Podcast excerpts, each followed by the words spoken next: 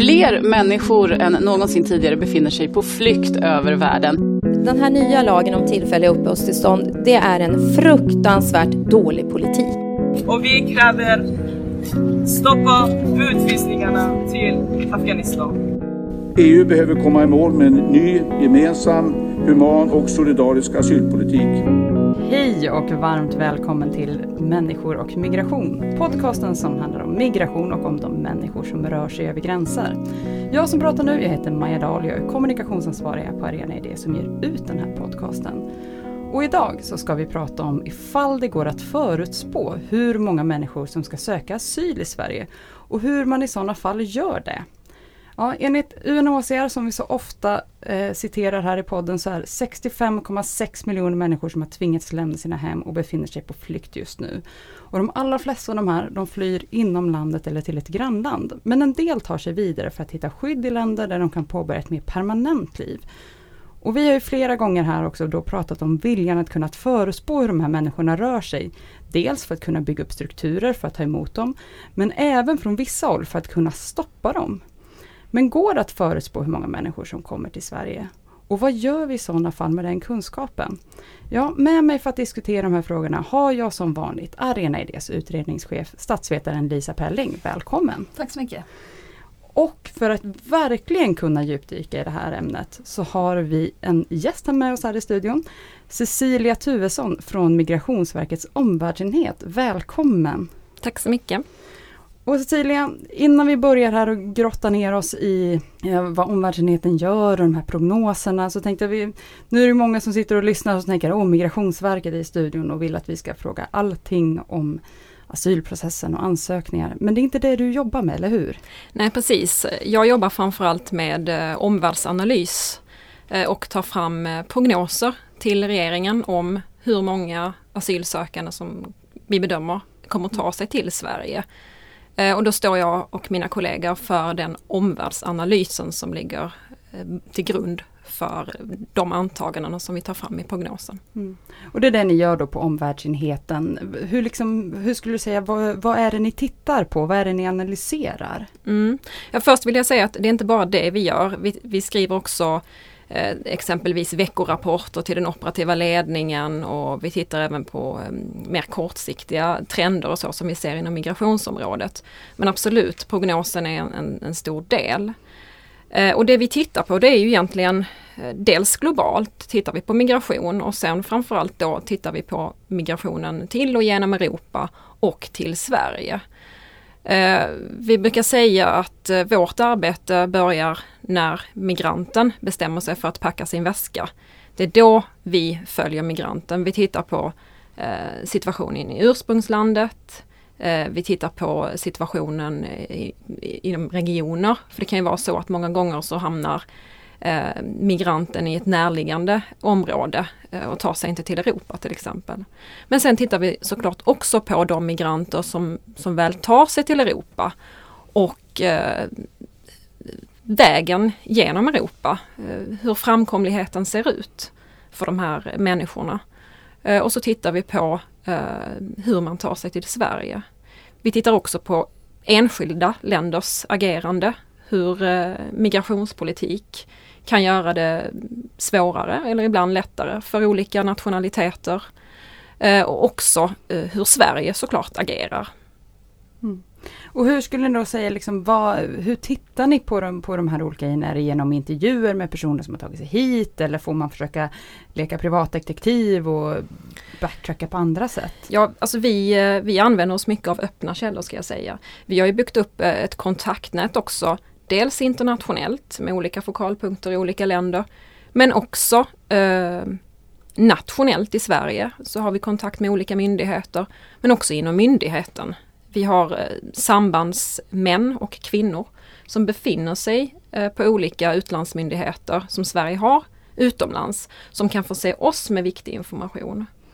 Eh, vi hade besök exempelvis nu eh, om vi talar om eh, kontaktpunkter med olika, liksom, med olika länder så, så hade vi besök av Spanien i december. Därför Spanien, till skillnad från många andra länder i Europa, eh, bevittnar en ökad migration, både asylinvandring och ankomster eh, och ville lära sig av hur vi hanterade flyktingsituationen 2015. Med utlandsmyndigheter så menar du svenska ambassader? Ambassader, Ja, precis, och beskickningar. Och Mm. de, eh, de har eh, ett uppdrag att skicka rapporter till er om de märker av migrationsrörelse i de Ja, det, länder de bevakar? Precis, det är en av deras uppdrag är ju att följa eh, migrationsområden i det, i det landet. Eh, vad är det då, nu, nu sa du lite grann så att man tittar på liksom vad det är som påverkar de här, eh, de här mönstren, hur människor rör sig. Eh, En del är liksom politik, andra grejer ja, men faktiskt vad som Mm. händer om det blir oroligheter i något land. Vad skulle du säga, liksom, vad är det som påverkar mest hur migrationsmönstren förändras? Mm. Det är en väldigt svår fråga. Jag tror att det, det är en kombination av olika fak- sammanfallande faktorer som, som påverkar mest. Eh, vi har ju sett att EUs överenskommelse med Turkiet har haft en stor inverkan. Det är betydligt färre som tar sig till Grekland från Turkiet idag. Eh, och vi ser att de nationaliteter som tar sig till Sverige oftast har kommit eh, från den rutten så att säga. Även om jag ska säga att flygvägen också är en väldigt stor del, väg för att komma in i, i Sverige. Men sen tittar vi också på, jag menar bara politik i andra länder. Eh, nu har till exempel Tyskland infört, eller ska införa som det ser ut, en ny anhörig eh, invandrings, eh, alltså nya regler för anhöriginvandring. Att de ska ha en maxantal på tusen personer i, i månaden. Vad in, vad påver, hur påverkar det Sverige? Eh, ja, man kan ju tänka sig att Sverige skulle bli ett mer attraktivt destinationsland eftersom att vi kanske efter 2019 då får mer generös, eh, generösa regler för anhöriginvandring. Så det är liksom, man bygger ett pussel och det finns olika faktorer som, som vi tittar på. Gränskontrollerna har ju haft en stor påverkan. Eh, gränsrestriktioner, gränshinder på olika ställen i Europa som gör att det är betydligt svårare att ta sig igenom Europa idag till Sverige. Ä- Även bifallsandelar till exempel för, för olika nationaliteter skiljer ju sig åt. Hur många som får asyl efter att ha ansökt om det i olika länder? precis. Och då, då är ju det också en faktor att man kanske söker sig till ett land där det 80% beviljas Mm. asyl för en, en viss nationalitet i jämförelse med ett land som har mycket mer restriktiv hållning. Det är det här som gör det här området tycker jag så otroligt fascinerande för att det är så väldigt, väldigt komplext. Det är verkligen Mm. inte en rak linje mellan behov av att få skydd och att människor sen får skydd i de länder som kanske har bäst förutsättningar att ge skydd utan eh, ofta är det liksom det första som händer är att det avgörs kan du överhuvudtaget lämna det land där konflikten pågår, där förtrycket pågår eller är du intern flykting? De allra flesta människor som har lämnat sitt hem i världen är ju fortfarande kvar i samma land. Och de som kan lämna sitt land de är allra oftast kvar i det, i det liksom allra närmaste grannlandet och vad som påverkar sen vilka som liksom har möjlighet att som har flytt från Syrien till exempel som kan ta sig vidare från Turkiet. Det är en sån komplex eh, liksom väv av vilka rutter finns och hur mycket kostar det att färdas längs med de rutterna. Eh, och, och, mm, jag brukar när jag får frågan liksom vad, vad, vad, vad är det som avgör mest? Så det är en sån där faktor som verkar ha väldigt stor betydelse är var migranterna har gått tidigare. Det finns en slags liksom stigbundenhet som man säger, path dependency. Om, om det är så att många människor från en viss eh, nation eh, har tagit sig till färg, Sverige tidigare så Mm. finns det någon form av upptrampade stigar i former av kontaktnät, eh, råd, eh, du kan anlita den här personen kan hjälpa dig att ta dig över vattnet, den här personen kan hjälpa dig att ta bussen, den här personen kan hjälpa dig när du väl kommer fram till Sverige. Det finns en faktor som är att man har släktingar eller anhöriga som man kanske vill söka sig till, man känner sig trygg med just Sverige för att man vet att där har andra kunnat få asyl, få någon form av fotfäste. Men, men eh, man blir förtvivlad när man ser hur, hur människor från, eh, flyr från Burma nu till exempel, rohingyerna som, som är väl den liksom snabbast ökande flyktinggruppen av alla. Men där ju, så vitt jag läser Migrationsverkets prognos, det dyker inte upp någon alls i princip här eftersom de flyr fullständigt utblottade och, Mm. och, och inte klarar av någonting mer än att, att gå över gränsen in till Bangladesh. Mm. Nej men, men så är det ju. Alltså majoriteten av de människor som befinner sig på flykt hamnar som internflyktingar eller kanske tar sig eh, till ett när, eh, närliggande land. Men det är ju väldigt få som tar sig till Sverige. Det är ju samma sak med Jemen som är en av de värsta humanitära katastroferna idag. Mm. Där vi ju inte ser så många jemeniter komma till Sverige just idag. När man då tittar på de här migrationsmönstren och försöker bedöma vad det är som styr att det är den här vägen man tar eller att det är till det här landet mm. eh, man, man vill fly till. Eh, och där pratas det ofta om push och pull-effekter. Men hur värderar man och hur väger man olika aspekter liksom mot varandra? Alltså både hur mycket den här landets politik påverkar vilka som vill fly till det tredje, liksom ett annat land. Och liksom, hur, hur sitter ni på enheten och bygger det här pusslet, som man skulle kunna säga, över vilka aspekter som påverkar och hur pass mycket de påverkar? Ja, alltså när vi, när vi tar fram våra prognoser så sitter vi, eh, dels har vi olika möten inom enheten, men vi sitter också tillsammans med ekonomienheten på Migrationsverket som är de som äger själva prognosen. Och då gör vi antaganden om de största nationaliteterna som vi ser. Exempelvis idag syrier, afghaner, eritreaner, Eh, somalier och så vidare. Och då tittar vi dels trendmässigt hur det har sett ut eh, tidigare år, men också hur det ser ut idag. Och så tittar vi på olika faktorer som exempelvis pushfaktorer som du nämner, alltså varför man, varför man väljer att lämna och hur de hur det ser ut idag i de länderna. Och så tittar vi på vad det är som kan tänkas påverka migrationen. Vad det är som gör att man väljer just Sverige och vad det är som gör att man, alltså framkomligheten längs rutterna eller eh, möjligheterna begränsas, alltså motkrafter då. Och det, det är svårt att säga vad som väger mest eller eh, gradera men man får ju göra någon slags sannolikhetsbedömning för de olika faktorerna. Ja, det här är en, en, en sån klassisk uppdelning som man brukar ha. Man brukar dela upp mellan pushfaktorer som är det som, som liksom driver människor att lämna antingen ursprungslandet eller kanske ett land där man befinner sig och har fått, som, eh, fått skydd i första hand. Att man drivs vidare från Turkiet till exempel. Och så pratar man om det som är pullfaktorer, mm. det som drar, det som eventuellt mm. skulle kunna göra Sverige till ett land som är mer attraktivt, jag gör liksom citattecken i luften här för attraktivt är, är mm. ett konstigt ord att använda i sammanhanget men som, som skulle göra det, så att säga, få människor att söka sig till Sverige i högre grad än till Norge eller till mm. Storbritannien eller till Tyskland eller vad, vad liksom de alternativa länderna skulle kunna eh, vara. Eh, och, och, och där är ju en sån fråga, vad är det som avgör om Sverige är attraktivt eller inte? Precis som du säger, en är hur ser vår asyllagstiftning ut? Mm. Får man överhuvudtaget skydd? Hur, hur hög andel av en viss medborgarskap kan man tänka sig att man tittar på också får mm. skydd? Och om man får skydd, vad får man för slags skydd? Får man skydd som är väldigt tillfälligt? Som just nu så har Sverige skydd, de allra flesta får skydd i bara 13 månader så mm. måste man ansöka i, eh, igen. Och får man skydd får familjen också skydd. Mm.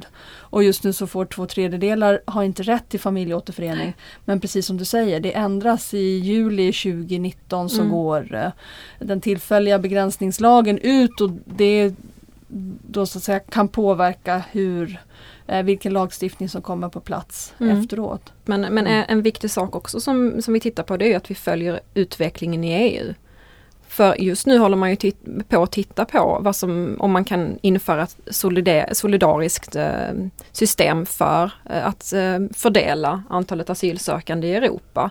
Och det är ju väldigt intressant att följa också vad som händer där för Sveriges del. Eh, och du, du, sa ju nu, och nu är vi också inne på att titta på andra länder, du sa inledningsvis att ni har ändå ett samarbete och tittar på hur, vad som händer i andra länder och, och delar med er av kunskap. Men hur ser det här samarbetet ut? Är det mest, eh, är det liksom, ska säga, är det strukturerat på något speciellt sätt? Vilka länder är det ni samarbetar mest med? Ja, alltså, det är svårt att säga, vi har ju lite etablerade kontakter så men, men ett land som till exempel är viktigt för oss är ju Tyskland som tar emot väldigt många asylsökande i Europa och vi har ju till exempel en, en sambandsman i, i Tyskland som förser oss med information just eftersom att Tyskland är, är så viktigt. Det är ett exempel och sen eh, så har vi flera andra samarbeten. Ungefär en tredjedel av alla asylsökande i Europa lämnade in sin ansökan i Tyskland förra eh, året vad jag kunnat eh, läsa mig till. Och Mm. där har ju eh, precis de två partier som ser ut att bli de två som bildar regering i Tyskland gjort en eh, 179-sidig överenskommelse här, härom, härom veckan där de la fast det som de hoppas bli regeringsprogrammet. Nu ska de tyska socialdemokraternas medlemmar ska rösta om det så det är inte klart än. Men där i den avtalet så finns det en skrivning om att man siktar på att begränsa invandringen till Tyskland till mellan 180 000 och 220 Mm. 000 personer om året. Eh, Och det finns stora frågetecken kring hur man tänker sig att genomföra den begränsningen i praktiken. För det är i samma lilla stycke så står det vi eh, står fast vid våra internationella förpliktelser, vi respekterar asylrätten men eh, antalet invandrare ska begränsas. Och förmodligen så kommer en av de begränsningarna vara just begränsningar i rätten till familjeåterförening. Mm. Mm. Men som jag förstått som så fokuserar ni ganska mycket på asylinvandring eh, i, eh, i ert arbete. Men kollar ni även liksom vad som påverkar annan form av invandring till Sverige som till exempel arbetskraftsinvandring? eh, Absolut, påverkar? det gör vi. Vi tittar inte bara på asylinvandring, eh, även om det kanske är där vi, vi tittar mest i, i våra prognoser.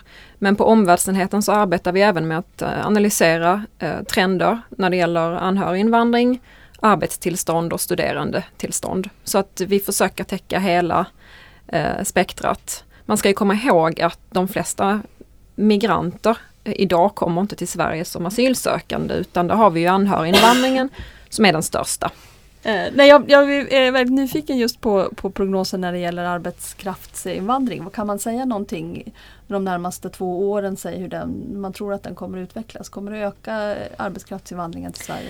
Alltså om man tittar på, eh, på Arbetsförmedlingens prognos så ser ju arbetsmarknaden väldigt god ut inom både offentlig och privat sektor. Eh, och vi är ju i en stark ekonomisk tillväxt i Sverige idag så att eh, den ser ju ganska bra ut. Eh, när arbetskraftsinvandringsreformen infördes 2008 så blev ju Sverige ett av de mest generösa länderna för eh, arbetssökande.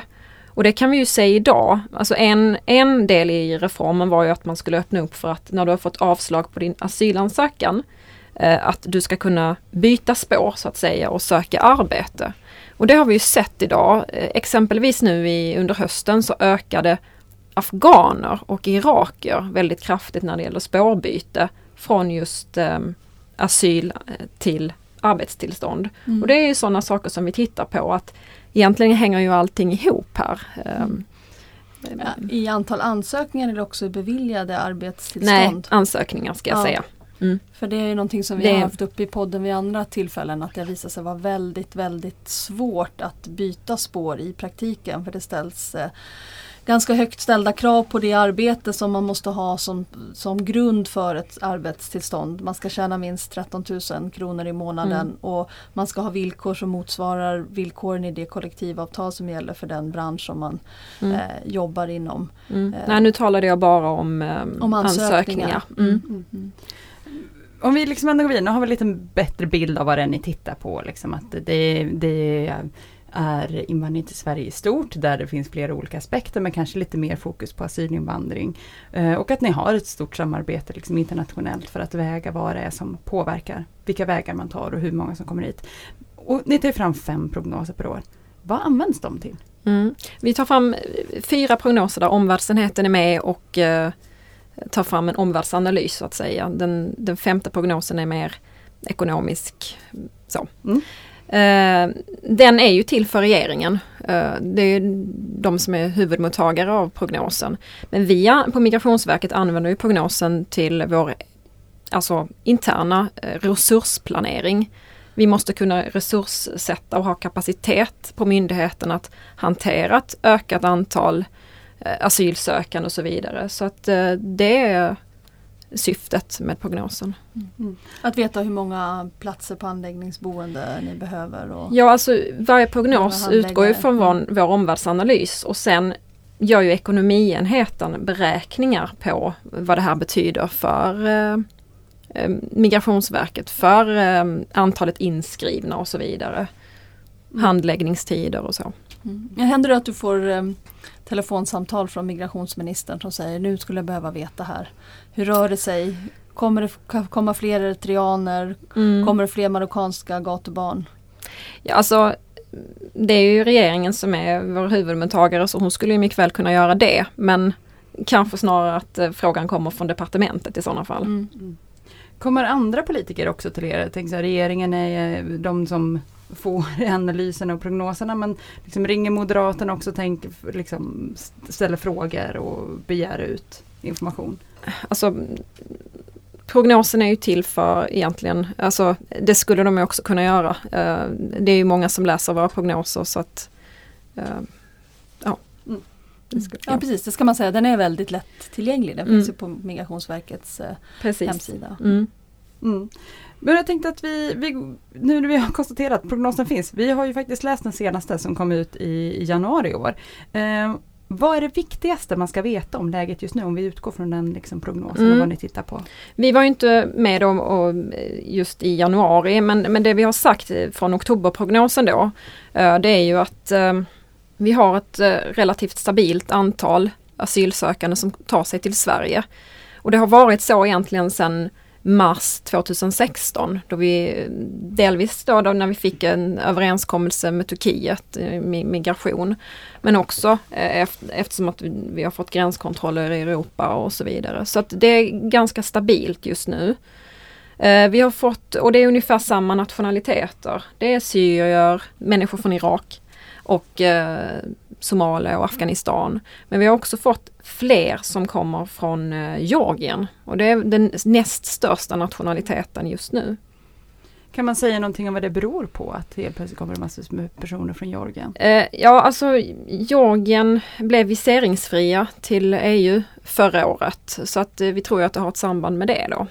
Det är helt enkelt lättare att rent fysiskt resa från Georgien ja. till Sverige just nu. Ja. Mm.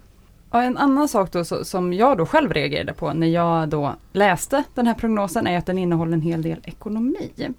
Eh, och Lisa, den senaste tiden har det diskuterats en hel del om att vi inte har någon koll på invandringens kostnader.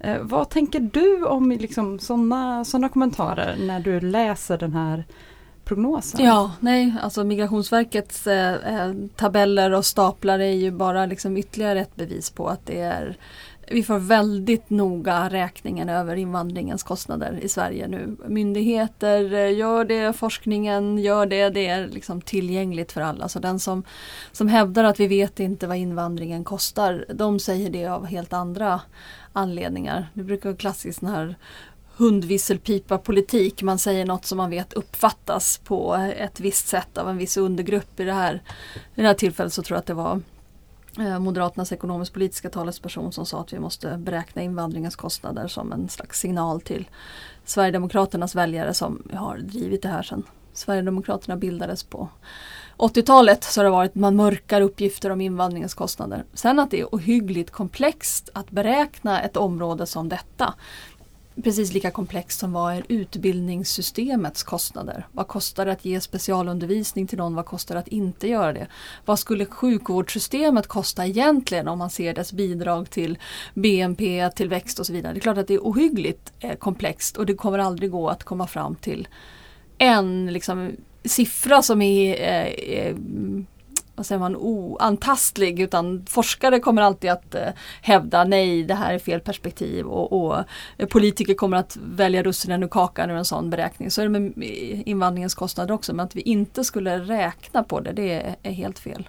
Mm. Och där vill inte jag uttala mig utan det en politisk fråga. Ja, precis. Det, det Men i de här prognoserna så finns det, eh, gör er ekonomienhet väldigt detaljerade beräkningar. Precis, vi har, det, det, är de som sköter det så att vi på omvärldsenheten har ingenting med det egentligen att göra mm. utan mm. vi, vi står för analysen bakom. Eh, under hösten då 2015 som man så ofta liksom går tillbaks till för att det var så många människor som sökte asyl i Sverige. Då fick vi ju lära oss vad Balkanrutten var.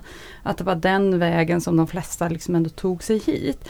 Utifrån de prognoser ni ser nu utifrån de personer som kommer nu. Kan man säga någonting om de, de vägar som människor som söker asyl i Sverige just nu tar? Är det fortfarande Balkanrutten eller är det andra vägar som man tar?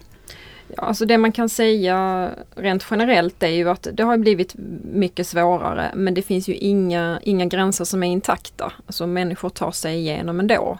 Och människor kommer alltid försöka hitta nya vägar när eh, vissa vägar stängs så att säga. Så vi har ju, alltså det, det, är ju ändå så att folk tar sig igenom Europa men det har blivit mycket svårare. Mm.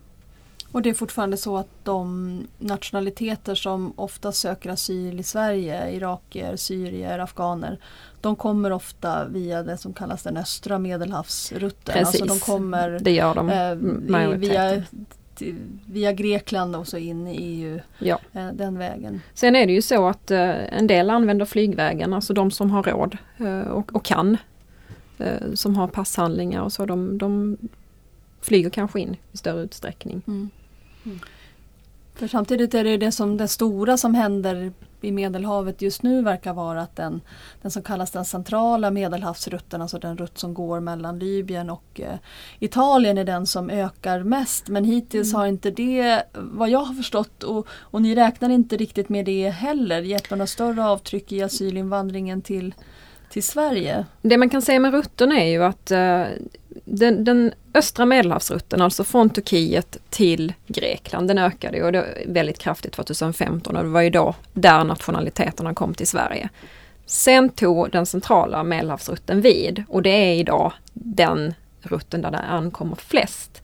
Men den har ändå minskat. Den började minska i, slut, eller i mitten av 2017 ganska kraftigt. Eh, så att även om den är den största idag så är den inte alls så stor som den var till exempel i januari eller februari 2017.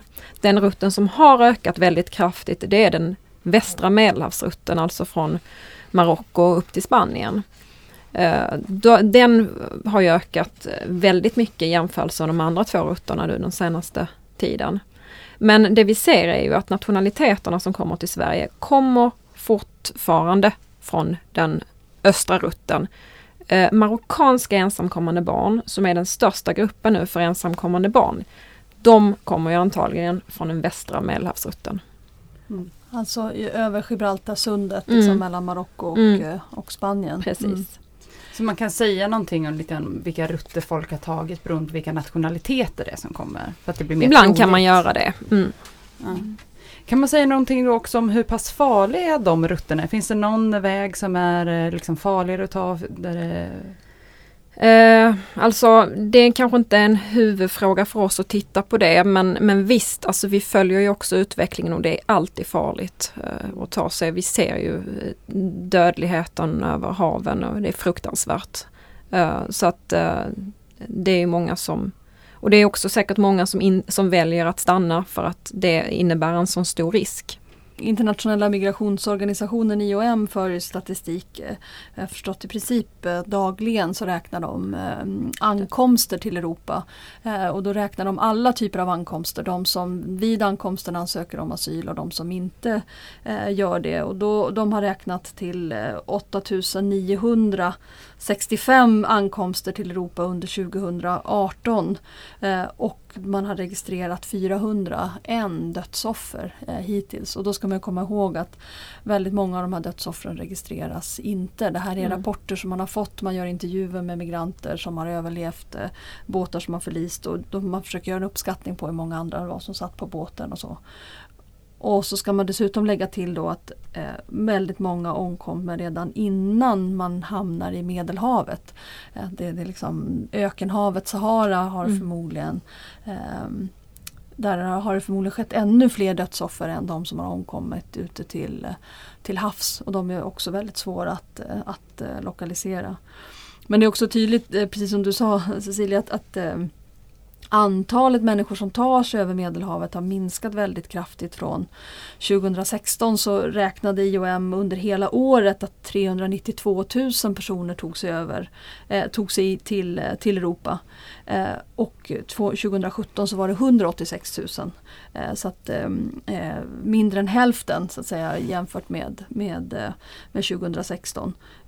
och det verkar som att den trenden fortsätter, att det är färre som tar sig eh, in i Europa men eh, delvis enligt andra, andra rutter. Mm. Tänkte nu när vi pratar liksom om trender så tänker jag som, som sista del som jag ändå vill att vi går in och tittar på. Det är ju att, men ett mantra i den här podden är ju för, och för alla liksom som diskuterar migrationsfrågor är ju att det aldrig tidigare varit så många människor på flykt som det är eh, i världen just nu. Eh, så om vi blickar liksom framåt i tiden, 5-10 år, de här 65,6 miljoner människorna. Vad kan vi liksom förvänta oss att de har tagit vägen? Kommer de fortfarande leva på flykt? Kommer de, hur många kommer kunna ta sig till ett land där de kan påbörja ett liv? Och hur många kan man se liksom skulle kom, komma bort eller komma hit till Sverige? Kan vi säga någonting om framtidens migrationsflöden? Det, det, är svårt. Alltså tittar man till exempel på antalet afghaner som har bott i Iran och Pakistan så har de ju bott där i generationer. Det är nog så att många migranter kommer att befinna sig eh, på flykt länge. Eh, men det är, det är en jättesvår fråga. Det man ser också idag som det pratas allt mer om det är ju klimatrelaterad migration. Eh, att även om majoriteten kanske av klimatflyktingar eh, inte eh, kommer så långt så att säga. Så det är också så att det kanske blir så i framtiden att antalet konflikter ökar eh, som är klimatrelaterade. Men det är också sånt som det är väldigt svårt att säga. Eh, men, eh, men sen ha, när det gäller, alltså för, för Sveriges del så, så har det ju med eh, gränskontroller, gränsrestriktioner, överenskommelser, det kan vara bilaterala mellan länder. Men det kan också vara att EU eh, Eh, sluter fler eh, överenskommelser liknande den i, i, med Turkiet. Det vet vi inte. Eh, det blir också intressant att se eh, vad som händer med eh, migrationspolitiken inom EU och med, eh, liksom med kvoter eh, så att säga. Eh, och vad som händer i Sverige. Det är valår i år. Var kommer politiken att, att migrationen kommer ju han, alltså, migrationen kommer ju såklart att debatteras väldigt mycket. Men vi vet ju inte riktigt vilken riktning. Kan man säga någonting om vilka siffror ni ser? Du sa att den har legat ganska stabilt eh, sedan mars 2016. Ungefär hur många asylsökande tänker vi då per år när vi säger stabilt? Ja, det, alltså vi, vi försöker hantera osäkerheten med att vi har ett scenario. Vi har ett lägre och ett högre scenario och så har vi ett planeringsantagande som vi planerar för. Och det är den utvecklingen som vi tror är mest trolig. Mm. Och i vår oktoberprognos så tror jag vi hade ett, ett spann då eh, mellan ett högre och ett lägre på mellan 19 och 33 000 för 2018 med ett planeringsantagande på 24 000. Uh, och sen ju längre fram i tiden vi blickar ju svårare blir det. Och eh, just med träffsäkerhet i, i prognosen, så är det ju. Eh, det blir också intressant att se vad som händer eh, med den tillfälliga lagen när vi återgår och det får vi ändå utgå ifrån att vi ska återgå till permanenta uppehållstillstånd. Mm. Mm. Vad säger du Lisa, när just man tänker 5-10 år framåt, mm. vad, vad händer med världspolitiken och hur påverkar det de här 65,6 alltså miljonerna. Ja, men det är så ohyggligt svårt att förutspå. Jag, jag, jag, liksom, historien är full av prognoser som har slagit fel.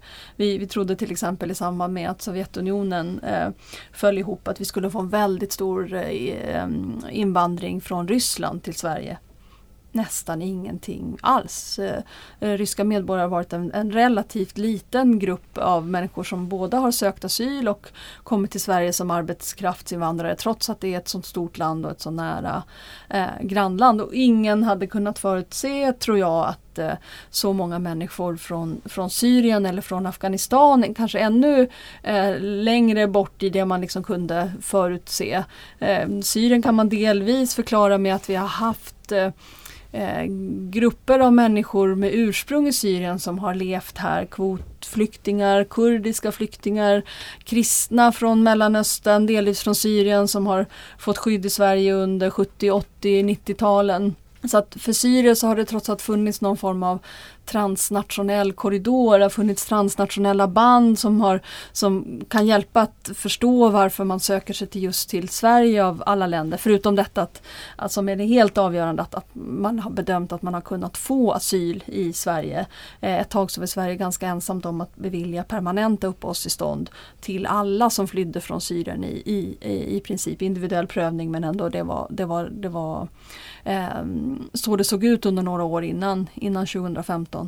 Jag tror att det, det, är väldigt, väldigt svårt. Det beror väldigt mycket på i vilka länder som konflikter bryter ut. Är det i relativt, um, inte, jag ska inte säga rika länder, men länder där människor har en rimlig inkomst och dessutom eh, internationella kontakter. Det betyder så att en någorlunda hög andel av människor har släkting utomlands. Någon som kan kompensera för om landet råkar ut för ett förödande krig eller en förödande naturkatastrof precis som du säger som man, man tänker sig en, en eh, en orkan eller en väldigt omfattande översvämning. Vilka kan fly och vilka kan fly en längre sträcka? Det, det, har att göra med vilken inkomst man har. Har man någonting som man kan sälja? Har man någon, någon tillgångar på banken? Eller har man en släkting som i så fall skulle kunna rycka in och betala biljetten? Men tyvärr är det så att de, de allra största flyktingkatastroferna som de vi nu ser med rohingyer som flyr från Burma till Bangladesh eller människor i Jemen som inte ens klarar av att ta sig ut ur Jemen så är det människor som har väldigt, väldigt låga inkomster inkomster och sånt därför ja, man inte, jag har helt enkelt inte råd att ta sig någon längre sträcka.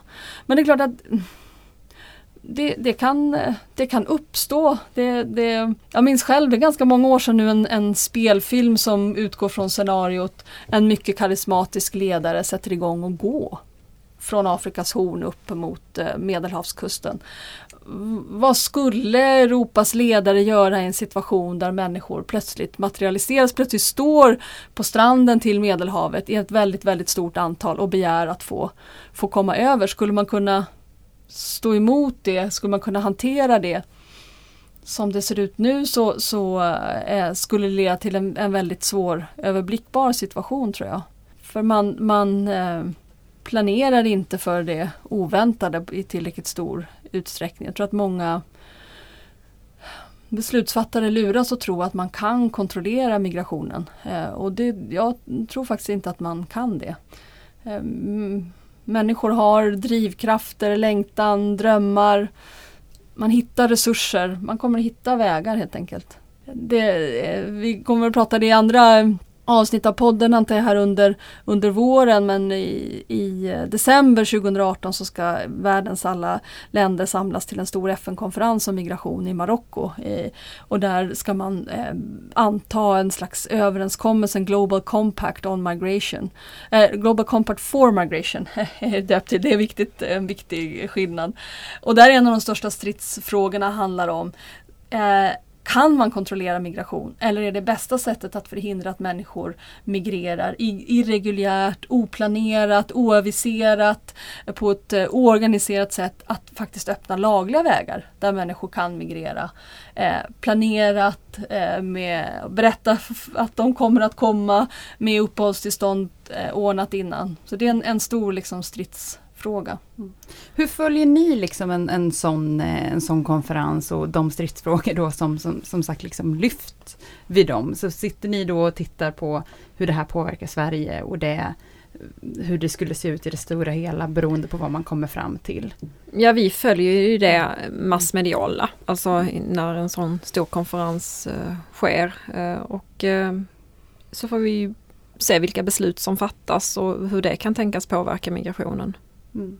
Men kan man se liksom några dragningar nu att, att liksom den här diskussionen om hur migrationen ska, hur man ska hantera de här, det här stora antalet flyktingar i världen, eh, migrationspolitiska olika länder. Kan man se liksom någon tendens som gör att ni kan gå in och säga så att det här är det största, trolig, mest troliga scenariot nu framöver, hur man tar hand om de här 65,6 miljonerna. Alltså går vi mot en mer eh, restriktiv migrationspolitik eh, världen mm. över, eller är det mer liksom politiker som går in och säger nej nu kavlar vi upp ärmarna, det är 65,6 miljoner. Nej men eh, det det framgår ju ganska tydligt, eh, anser jag, när man tittar på Europa, att, att Europa går i en mer restriktiv riktning. Uh, rent generellt. Det är ju fler lagändringar i många länder. Ehm, en ganska aggressiv eh, politisk debatt stundtals. Från båda sidor så att säga. Ehm, så att, eh, men, men jag tror att Ja, det är väl ganska mycket som talar för idag att vi går mot en restriktiv utveckling men, men, men det är väldigt svårt att, att veta om, om fem, tio år hur, hur, hur världen och hur Europa och hur Sverige kommer att se ut då. Uh, så. Mm. Mm. Vad säger du Lisa, har du något hopp? Nej, nej, jag skulle hålla med Cecilia i att det, det, ser väldigt mörkt ut just nu. Just nu så, så eh, läser jag också läget som att eh, många europeiska länder liksom eh, tänker sig att man ska hantera migrationen med ökade restriktioner, att det sätter arbete så man kan eh, få den eh, liksom en önskvärd kontroll på migrationen här genom att eh, införa fler gränskontroller, göra det svårare att ta sig in i Europa. Men det, det, det finns ju en annan möjlighet och det är ju att, att ehm, öppna lagliga vägar och få en önskvärd migration på det sättet. Den migration som, som eh, sker av människor som inte primärt behöver skydd i Europa, även om det är många människor har blandade motiv. Liksom. De som inte primärt söker eller behöver skydd i Europa utan som kommer som arbetskraft de skulle ju eh, göra bättre nytta på europeisk arbetsmarknad om de kom och hade ett arbetstillstånd, om de kunde ställa krav på vettiga villkor, om de kunde organisera sig i facket, om de kunde betala skatt, om de kunde betala in pengar till socialförsäkringssystemet. Det skulle göra samma migration eh, mycket mer önskvärd eh, än, än den är idag. Eh, oavsett så att säga, antalet som, som kommer. Så där, där finns det ju en, en, en stor eh, en stor möjlighet. Jag tror att, att eh, man ska inte underskatta heller hur eh, murar och liksom Ja, det är så obehagligt med de här vattenmetaforerna, man återkommer ständigt till dem inom migrationsfrågorna. Man pratar om strömmar och så, man liksom pratar om dammar, man liksom dämmer upp migrationsflödena. Att ju, ju, ju, ju mer man förlitar sig på den typen av restriktioner desto mer ökar man risken för att dammar brister, att situationen blir så desperat att det blir liksom dramatiska situationer när väldigt många människor samlas på en väldigt begränsad plats och är väldigt desperata att ta sig vidare. Det blir liksom svårhanterliga eh, eh situationer. Det som man såg på, på Kellity-stationen i Budapest i, i liksom augusti 2015 där, där, där man kanske var 9000 personer på det lilla stationsområdet. Och tyskarna påminns om bilderna av, av östtyskar som, som reser med i tågvagnar för att försöka ta sig ur liksom östdiktaturerna. Eh, och, och, och står inte ut med bilderna av de här människorna och säger okej, okay, ni är okej, okay, ni kan stiga på tåget till Wien. Vi, vi låter österrikarna resa, eh, vinka genom er så att ni kan söka asyl i, i Tyskland. Vilket i sin tur då så att säga skickade signalen eh, till andra länder i Mellanöstern.